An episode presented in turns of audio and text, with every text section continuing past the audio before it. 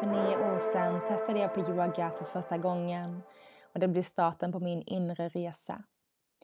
Hej och välkomna till podcasten Landa på mattan. Mitt namn är Josefin Söderby och i den här podden så kommer vi prata om yoga, spiritualitet, holistisk hälsa, yogisk filosofi och hur allt detta kan appliceras på vardagen som vi lever idag. Nu drar vi igång dagens avsnitt.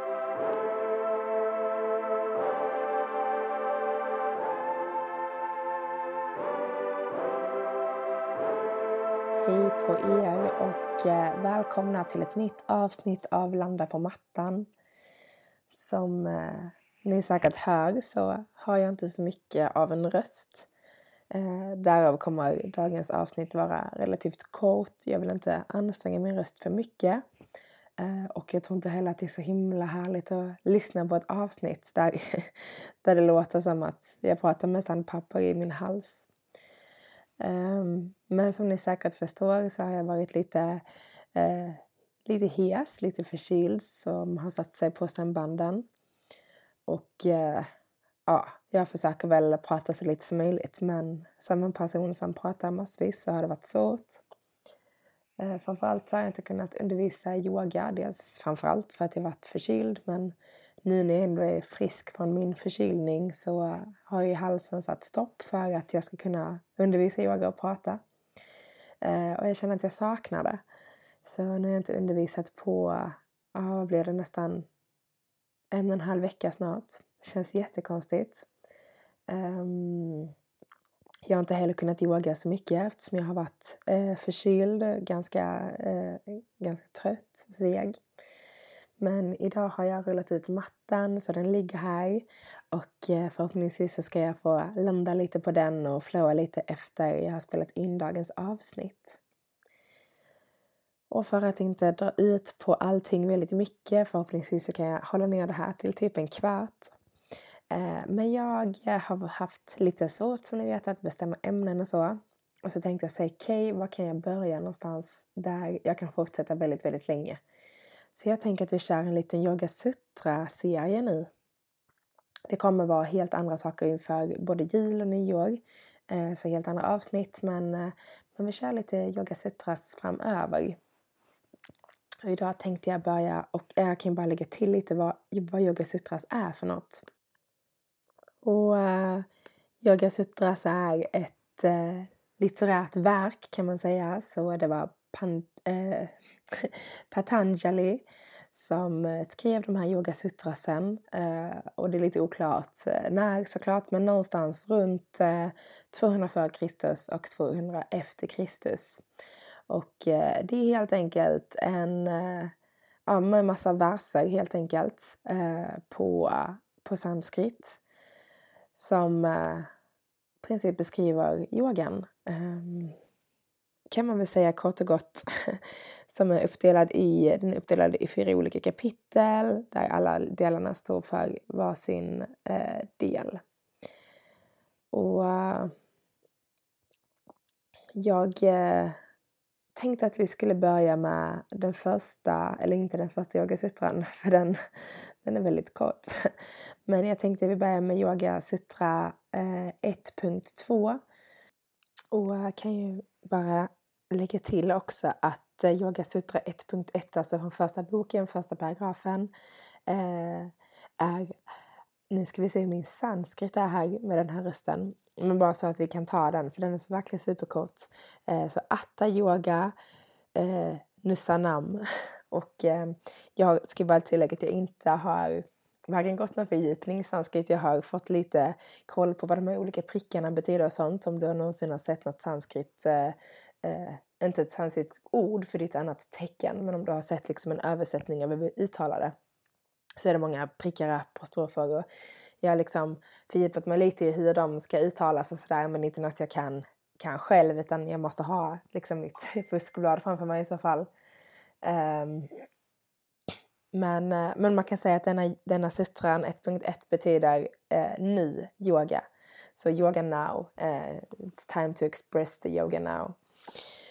Och lite innan jag går in på eh, sutran som vi ska prata om idag, 1.2 som är yoga Chitta Vritti Niroda.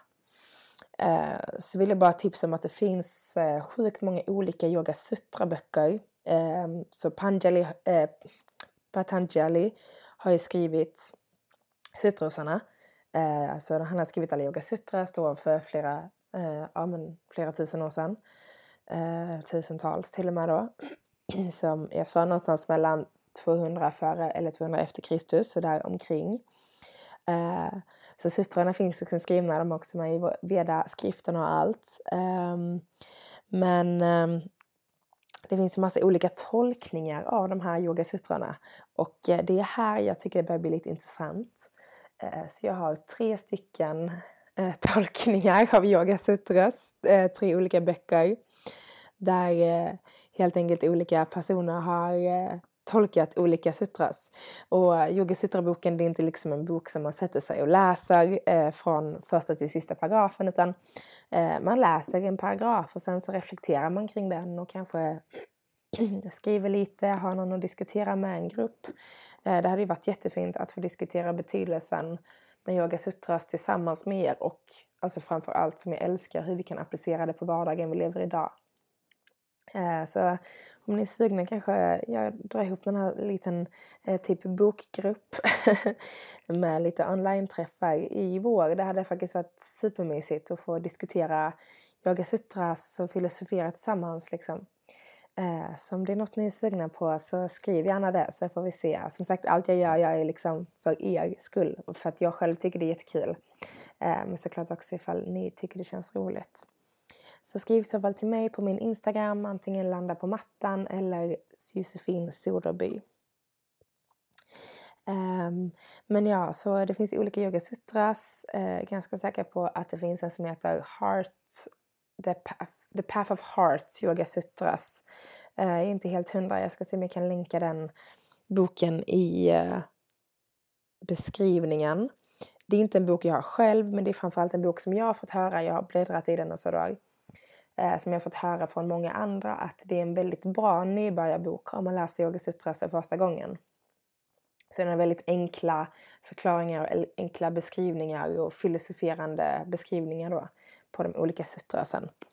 Eh, jag har själv en sutra som är översatt och kommenterad av en kille som heter Dennis Hill. Eh, jag tycker om den boken för den är sjukt smal, alltså den är jätteliten, nim har ha med sig. Ehm, och jag tycker också att, eh, att han har fått med väldigt så, ja, men utan att det ska stå för mycket om varje sutra liksom. Så den är väldigt bra. Jag har en som jag har via utbildningen också. Som när jag gick den så blev vi rekommenderad att köpa Yoga Sutras av Patanjali som är översatt och kommenterad av, ska vi se om jag kan ut, överta, uttala det här, eh, Sri Swami Sachidanda. Något sånt. eh, och sen har jag också min, eh, min Hatha Yoga Pradipika av Swami Muktibodhananda. eh, och i den så står liksom i princip allt inom hatha yogan men även yoga sutras eh, översatt och kommenterade då. Och eh, jag ska väl absolut erkänna att jag har tittat mest i eh, Yoga Sutras av Dennis Hill. Eh, jag kan tycka att engelska språket är lite svårt i den ibland. Eh, eftersom jag inte är flytande engelsktalande så kan jag känna att vissa ord är lite komplicerade så att jag nästan inte förstår dem. Och skulle väl då säga att den här av eh, Sri Swami Sachidananda är lite lättare att förstå. Jag tycker det är en liten lättare engelsk översättning. översättning. Men eh, som sagt, eh, Path of Heart, The Heart of Path, eh, Yoga Sutras. den ska vara väldigt bra. Jag, jag eh, kollade upp den eh, här nu. jag kände att jag var tvungen till att göra det. Eh, den heter The Heart of Yoga och är skriven av TKV eh, Desikashar. Um, och jag tar tillbaka det här med att jag kommer posta den i min beskrivning uh, för att jag är lite osäker. Alltså jag är ganska säker på att folk har sagt till mig att så, åh, den är så bra eh, beskrivning på Yoga Sutras.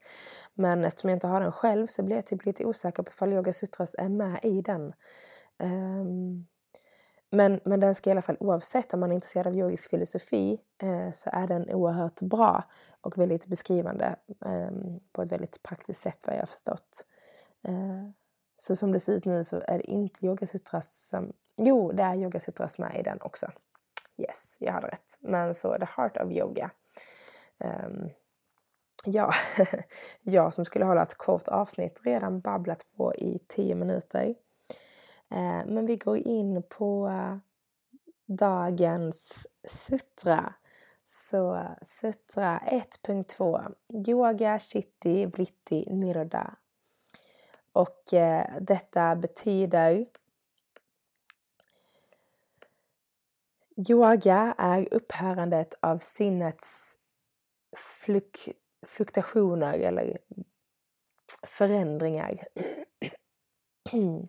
Så uh, om man ska bryta ner den lite till uh, så kan man prata om att um, det, denna suttran får oss att liksom vara verkligen i närvaro.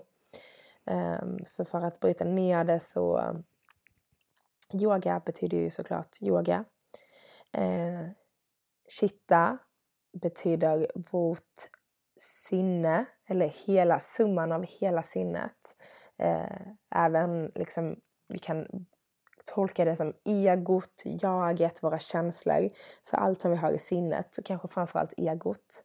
Eh, och sen har vi även eh, vritti som betyder eh, förändring, eh, modifications. Det kommer vara lite svengelska nu för den, all liksom min fakta kommer från engelska i princip förutom det jag har diskuterat i utbildningen och så här. Eh, och det jag försökt skriva ner och filosofera så det kommer vara lite svengelska. Eh, och nere där betyder eh, eh, stilla eller restrain. Så ja, avstanna. Um, så uh, det man kan översätta den till är ju då liksom uh, yoga stillar våra förändringar i sinnet. Och eh, vi har ju väldigt mycket tankar hela tiden. Mycket saker som snurrar, mycket saker som hela tiden liksom eh, flyger runt i vårt, i vårt sinne. Eh, och eh, jag tycker att denna sutran handlar liksom mycket om att amen, vi ska vara i närvaro, vi ska vara här och nu. För om vi är här och nu så har vi inga fluktuationer, ingenting som eh, förändras och som drar vårt sinne någon annanstans, utan vi är bara i nuet. Eh, så när vi inte låter våra ständiga föränderliga tankar att påverka oss och vårt sinne, det är då vi kan kontrollera vårt tankemönster men även dra tillbaks vårt tankemönster. Och det är lite det jag tror att den här eh, sutran liksom tolka mot. Det är liksom lite det som är yogan. Eh, så när vi är yoga, när, eh, ska också verkligen tillägga att eh, yoga sutras, ordet yoga i yoga sutras betyder inte den fysiska praktiken yoga, utan den betyder yoga som helhet. Så en ganska viktig grej att ta med sig. Eh, jag tror, om jag inte minns helt fel nu, så är det liksom bara den här första eh, sutran, så 1.1 yoga nu, som faktiskt eh, menas som den fysiska praktiken yoga. Och alla andra tillfällen som yoga nämns i Yoga Sutras är liksom yoga i sin helhet. Um, Så yoga är när vi helt enkelt inte låter våra tankar dra bort oss någon annanstans utan när vi eh, kan liksom kontrollera våra tankebanor så pass mycket att vi verkligen är här och nu. Um, och jag tror att många av er säkert har upplevt det eh, på yogamattan när man liksom släpper allt annat och verkligen är liksom immersed, uppslukad av yogan. Eh, så det är liksom en yoga i den formen som vi upplever yogan. Eh, så inte den fysiska praktiken utan hela upplevelsen av yogan. Och där vill jag liksom koppla in stora delar av hur man kan leva sitt liv. Um, såklart meditation, men alla de här um, delarna från den åttafaldiga vägen såklart. Vi har yamas, vi har niyamas. Ehm, så att liksom vara ärlig, vara sann mot dig själv, mot andra, vara renlig, tala, tala sanning, vara sann.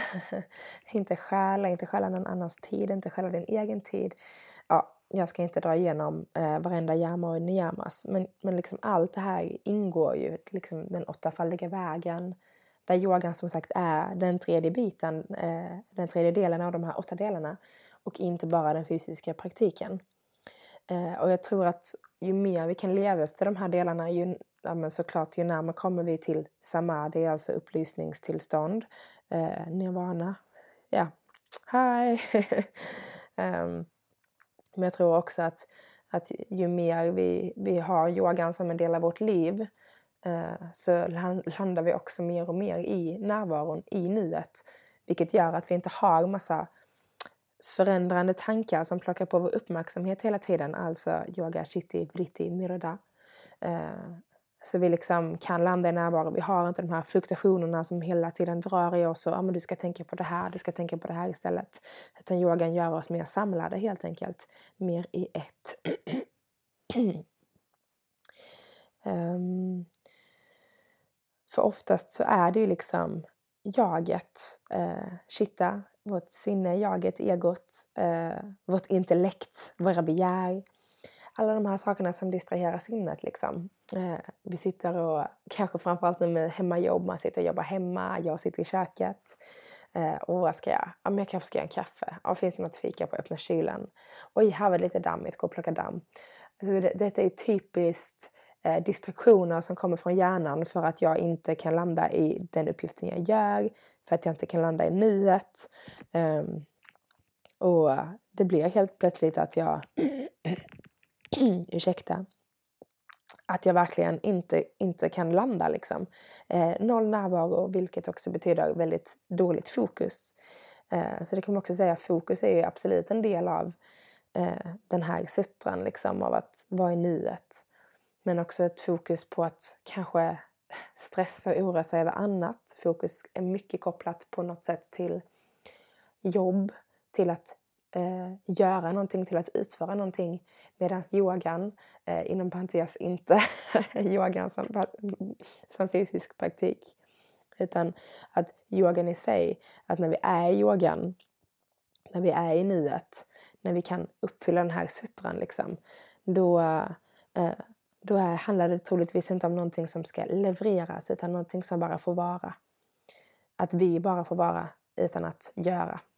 Human, human being, not human doing. Eh, och jag kan typ inte tillägga den, eh, säga det nog. Liksom. Jag skulle behöva ha det printat framför mina ögon varje morgon kan jag säga. Jag får nog göra en tavla och skriva upp det här. Eh, det är lite klyschigt liksom, men det ligger så mycket i det. Vi är liksom, vi ska vara, vi ska inte göra.